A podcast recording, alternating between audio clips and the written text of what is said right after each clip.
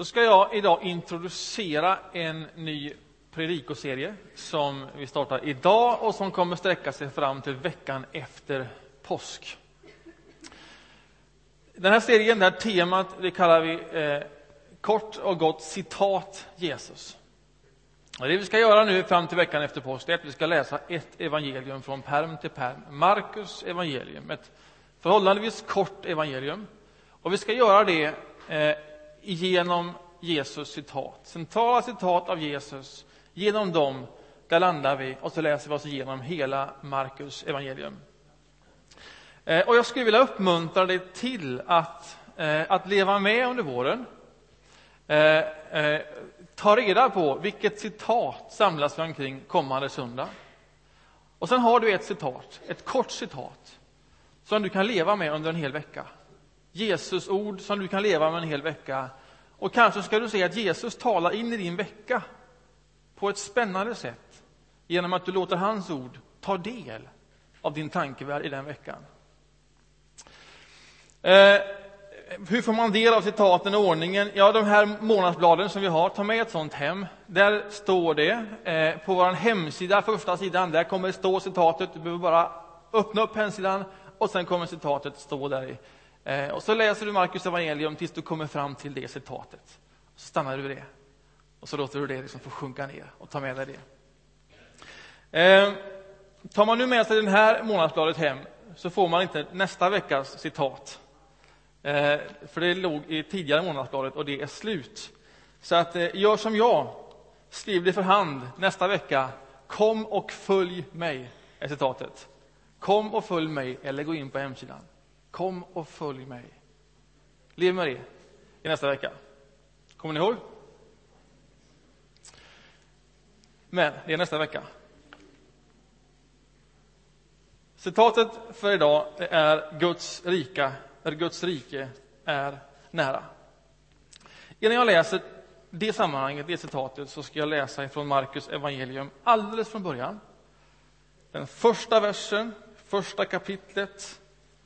Vi är i Nya testamentet alldeles i början, på sidan 705, om du har en röd bibel. 705. Det står så här, första versen. Här börjar glädjebudet om Jesus Kristus, Guds son. Punkt. Här börjar glädjebudet om Jesus Kristus, Guds son. Så börjar det evangelium som vi ska läsa eh, ända fram till och med påsk och en vecka till. Så inför serien och inför den här söndagen så eh, eh, läser jag på lite, jag fräschar upp mina kunskaper om Markus evangeliet eh, och det har kommit ut ett nytt stort teologiskt verk av en av de stora evangelikala teologerna, bibelteologerna, som heter eh, Howard Marshall. Står på baksidestexten där, det här är the dean of evangelical scholars, alltså nestorn av evangelikal bibelteologi. Som nu eh, har formulerat sitt livsverk, ett portalverk över nytestamentlig teologi. Som, där han går igenom varje eh, evangelium och bok i Nya testamentet. Alltså är det något verk man ska köpa av honom så är det detta. Så står det när man googlar på det. Det har jag. Eh, så läser man då detta, eh, denna Nestorns eh, eh, verk. Och så börjar han med att kommentera Markus evangelium så här. Markus börjar sitt evangelium med ett statement. Och ett statement det är ju ett kraftfullt påstående. Ett statement är antingen sant eller falskt. Ett statement man gör, det är någonting som är laddat, det är någonting som har ett nyhetsvärde. Det är ett statement man gör. Är ni med? Markus börjar sitt evangelium med ett statement. Då tänker man, det här är spännande. Och så kommer nästa mening, vars referens inte är kristallklar. Då tänker man, det här är ju spännande. Här har vi nestorn av evangelikal teologi. som nu introducerar Markus evangelium och säger Markus han börjar med ett statement. Men vad det, vad det betyder, det är inte helt klart.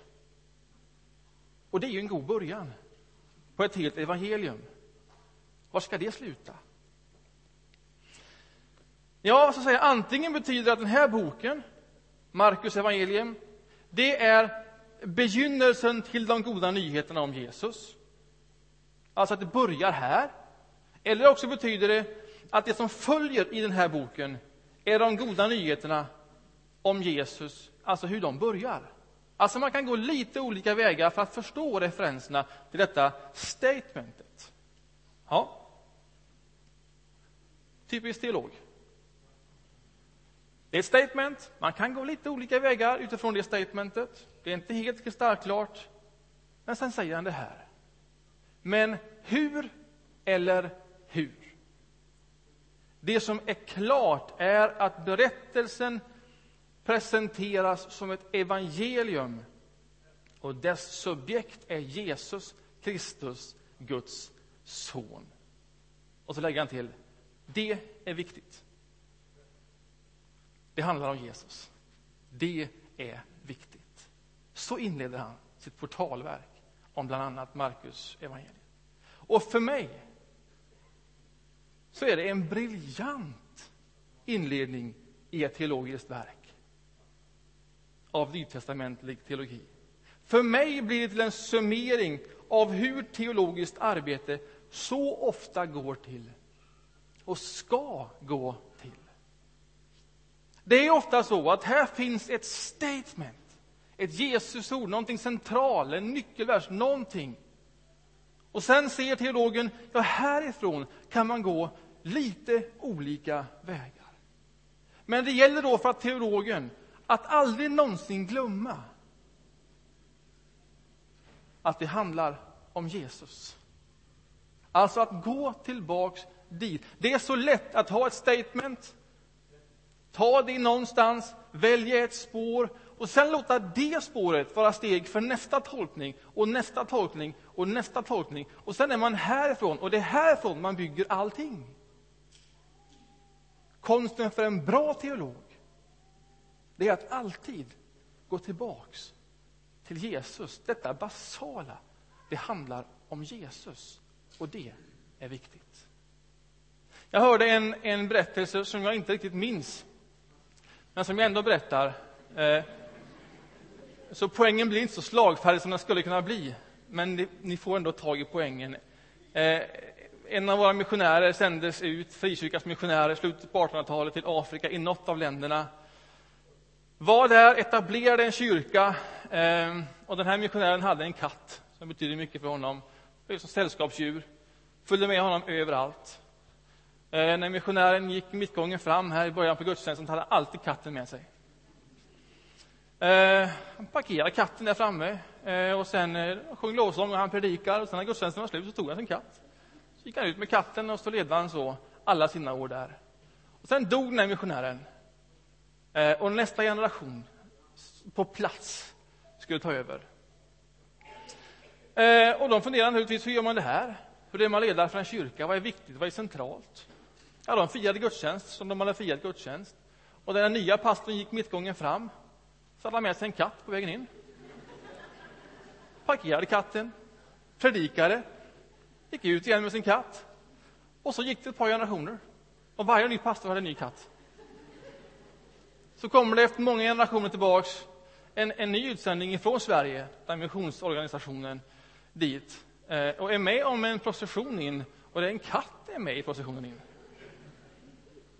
Och undrar förstås varför en katt går med i processionen in. Eh, varpå afrikanen undrar varför han undrar det.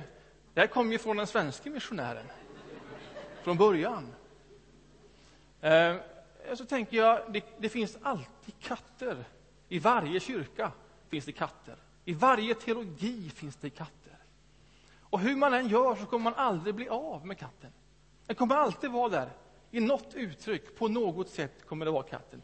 Och därför är det så viktigt att gå tillbaks hela tiden till det mest basala. Det handlar om Jesus. Det är viktigt. Nu går vi tillbaks där. Vad var det han sa? Vad är det viktiga, det centrala? Jesus. Eh, det är en viktig poäng.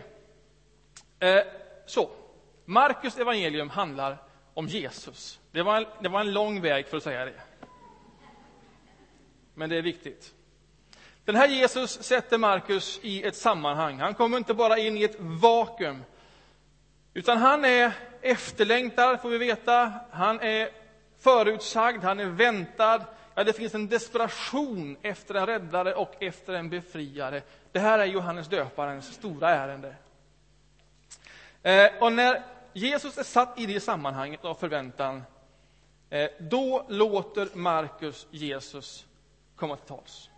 Där släpper han fram det första citatet av Jesus. Och det citatet är av uppfyllande karaktär. Det citatet är svar på längtan, svar på hopp, ja, svar på desperation hos ett helt folk. In i det talar Jesus. Nu är vi på dagens citat, Markus evangelium, kapitel 1 och vers 14.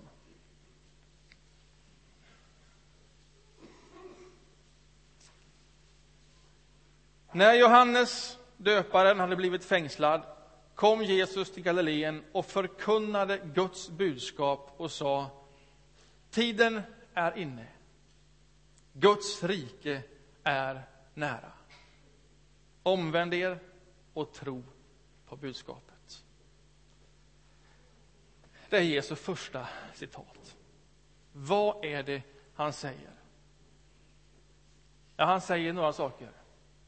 Först säger han, det är nu det händer. Det är det första han säger. Nu händer det. Och det andra han säger är att det som nu händer, det är att Guds rike anländer. Nu händer det. Och det som händer är att Guds rike anländer. Och så säger han att det som händer är inget hot, utan goda nyheter för alla dem som hör budskapet. Och så säger han att det enda egentligen passande gensvaret på den budskapet, den förkunnelsen, det är att omvända sig och tro. Guds rike är nära. Det här summerar Markus evangeliets ärende och det summerar Jesu ärende. Guds rike är nära. Det är ett kraftfullt statement nu är vi där igen. Men vad betyder det? Ja, här kan man gå några olika spår.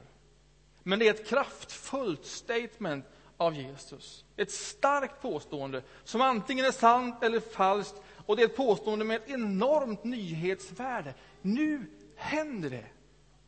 Det gör verkligen det. Vad är det som händer? Vad är det man hör när man hör om riket som anländer?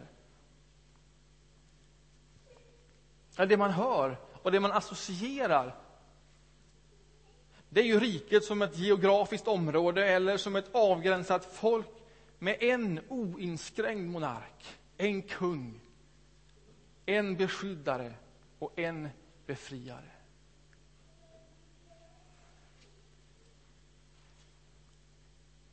Det man hör, det är att det är nu det händer.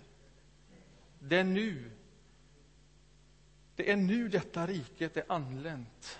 Det är nu Gud är här i en stor räddningsaktion. Gud är på plats för att befria sitt folk. Det är vad man hör. Och det händer nu.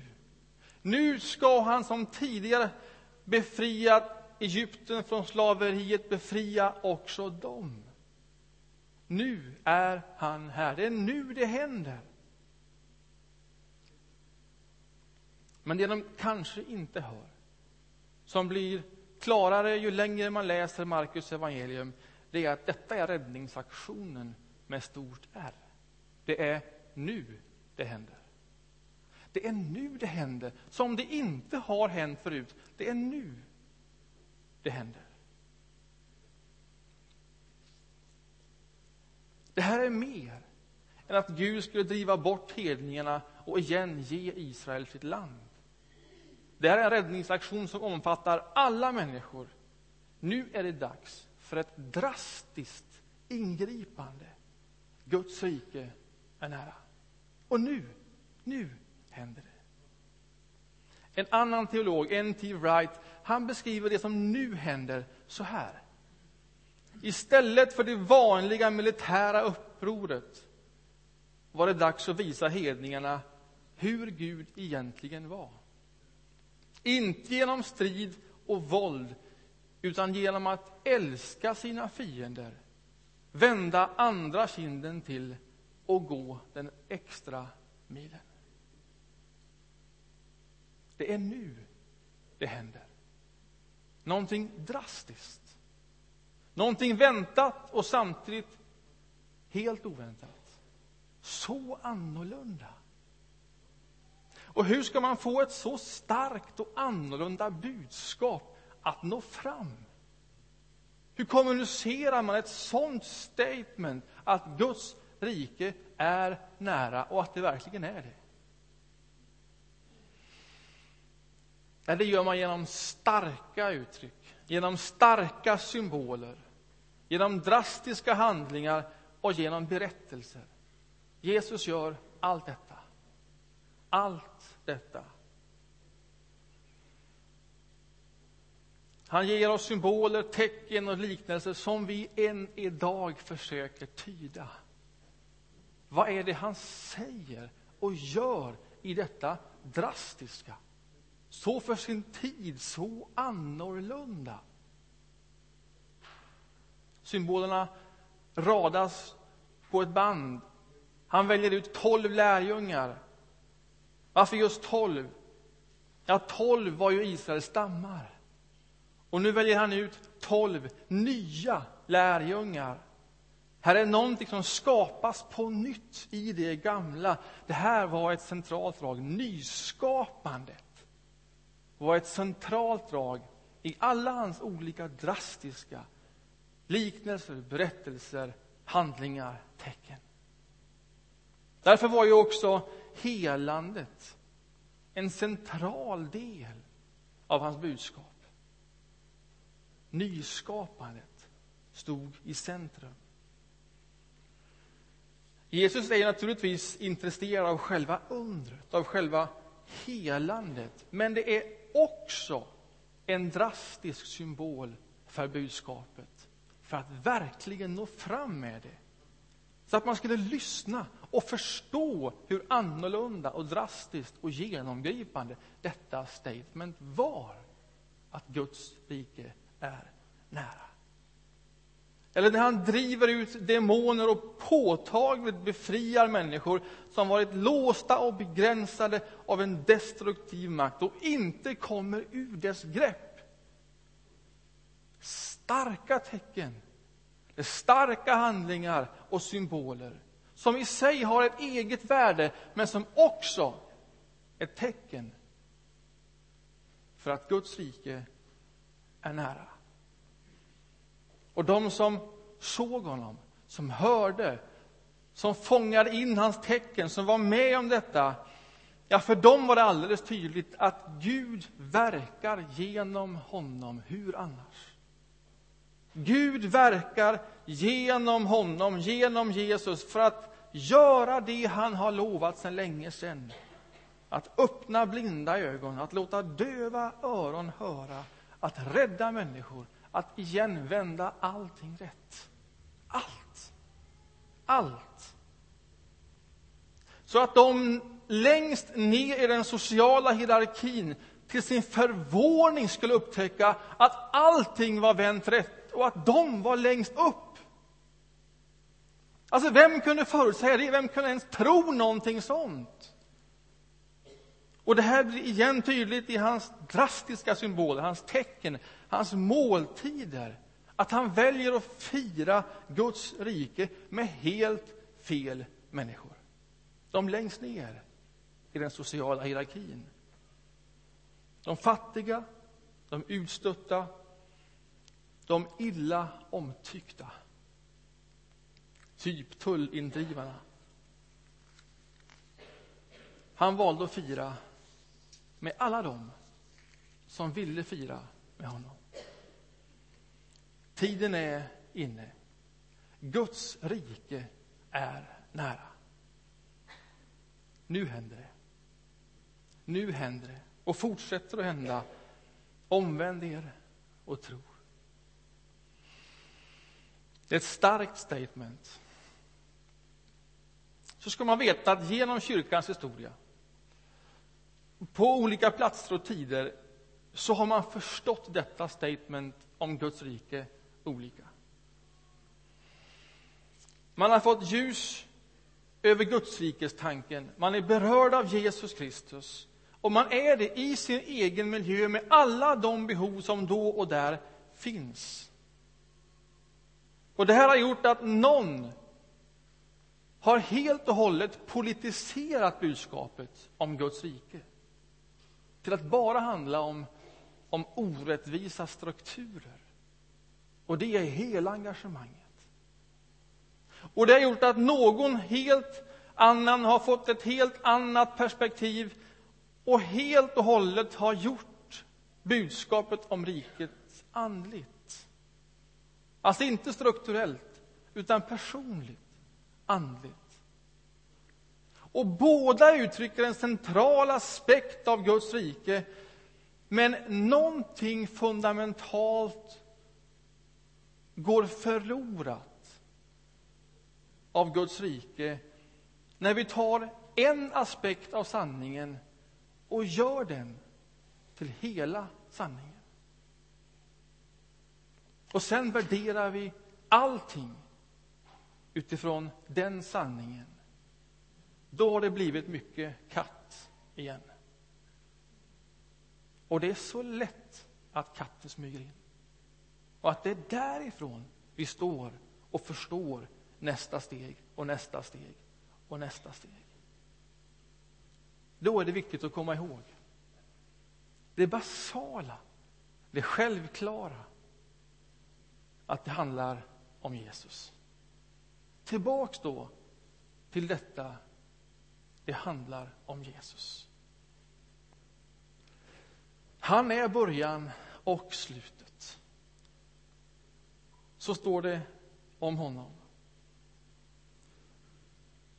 Han är alfa och omega. Allt är skapat genom honom. Och allt ska summeras i honom. Allt handlar om Jesus.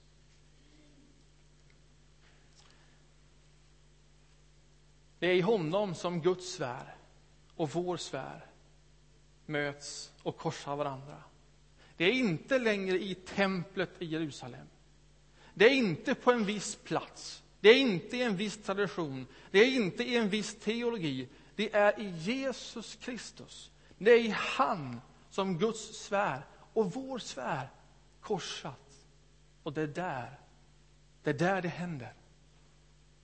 Det är där Guds rike är nära. Och det bör hissas varningsflaggor när man gör sin förståelse, som alltid är begränsad, sin förståelse av Guds rike till hela förståelsen av Guds rike.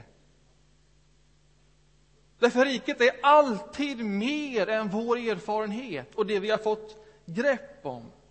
Guds rike på jorden går inte enkelt att avgränsa och fånga in i rätt teologi, rätt ideologi, därför att den bygger på en begränsad kunskap om Gud.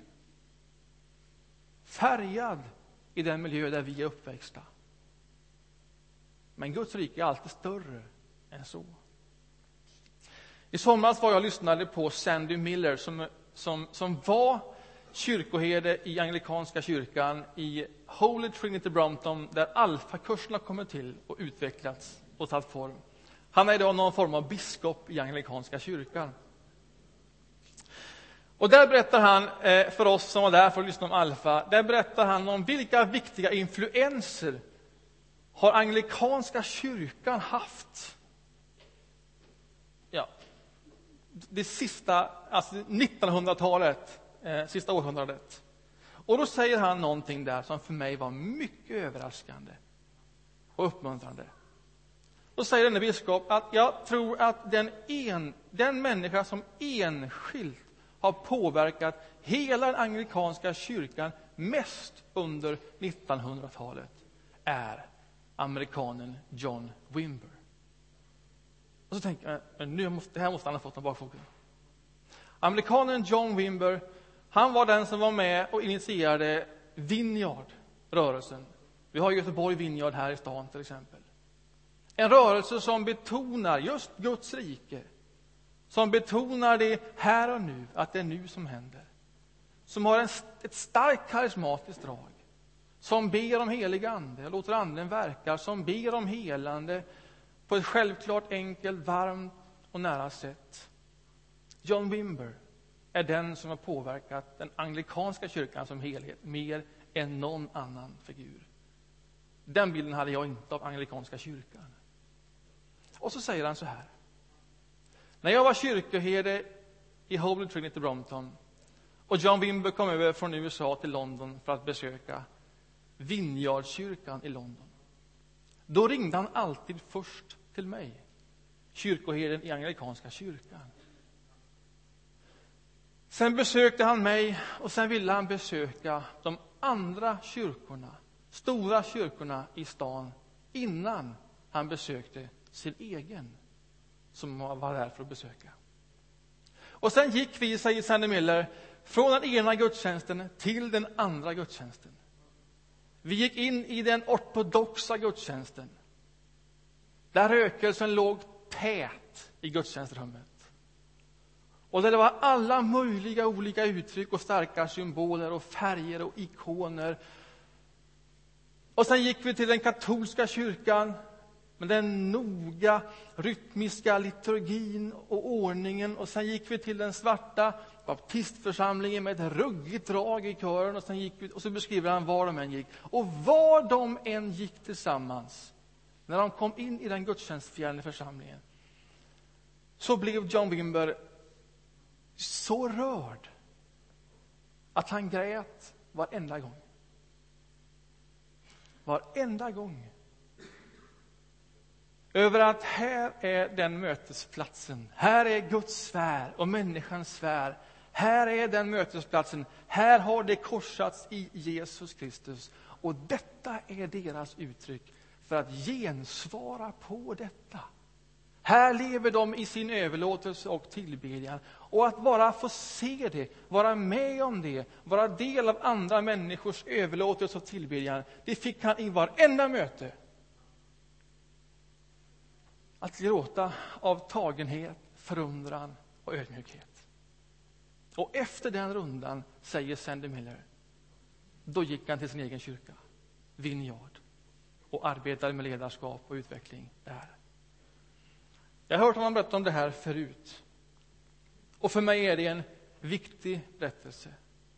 En väldigt viktig berättelse. Alltså, Saronkyrkan kan ju inte vara som alla kyrkor. Och det vill vi inte heller. Vi har vår historia, vi har vår blick och vi är glada över det.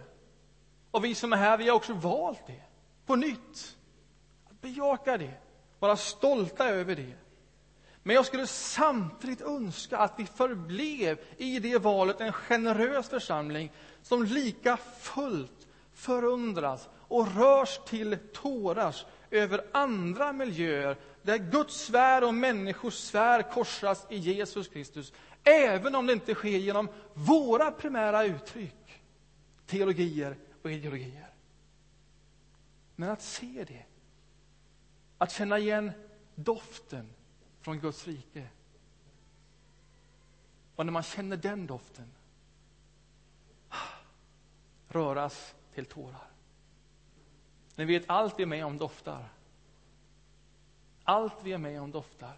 Och dofter ger oss associationer till någonting. Också Guds rike doftar. Jag har tagit på mig lite nytt rakvatten. Och min dotter, tre år, vill lukta. Eh, och det fick hon göra.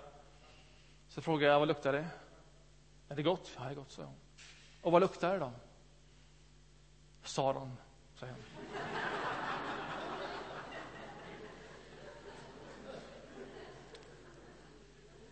Allting doftar. Och allt som doftar ger oss associationer. också Guds rike doftar.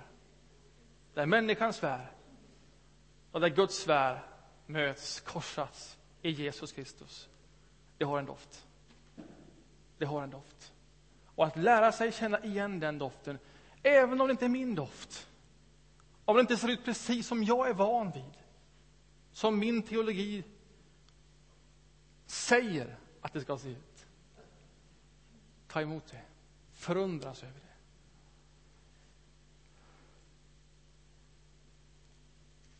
Jag skulle önska att vår församling, och så här är det. Jag vill bara säga att jag skulle önska att vi bara fortsätter, att vi fördjupar det här draget. Och att vi arbetar med samma självklarhet med orättvisa samhälleliga strukturer som vi ber för den som är sjuk om ett helande. Och att det aldrig någon gång fick vara en motsättning mellan dessa poler, som om det skulle vara poler. Utan vi tar emot Guds rike i dess alla olika aspekter. Bara vi känner doften. Nu händer det. Nu är det här. Nu är Guds rike nära. Och det enda riktigt passande gensvaret på det statementet, att Guds rike är nära, det säger Jesus, är att omvända sig och tro. Att omvända sig och tro. Att omvända sig, bli del av ett eget beslut, av ett folk med en oinskränkt monark, en kung, en Gud som är vår beskyddare och befriare.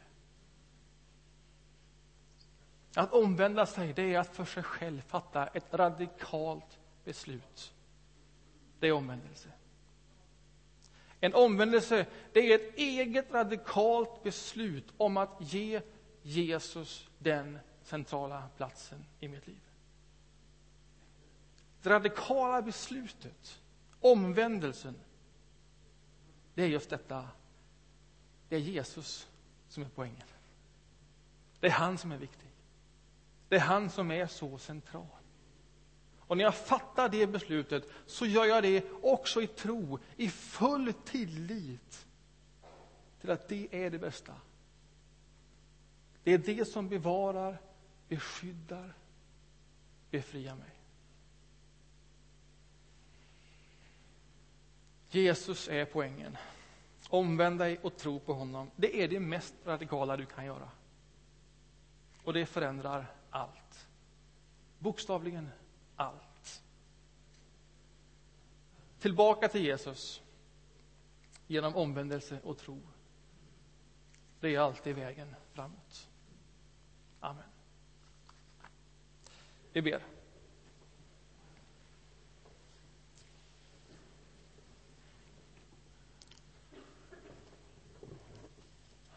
Jesus Kristus, tack för Tack för ditt ord till oss den här veckan, den här söndagen. Tack för att eh, tiden är inne. Och för att Guds rike är nära.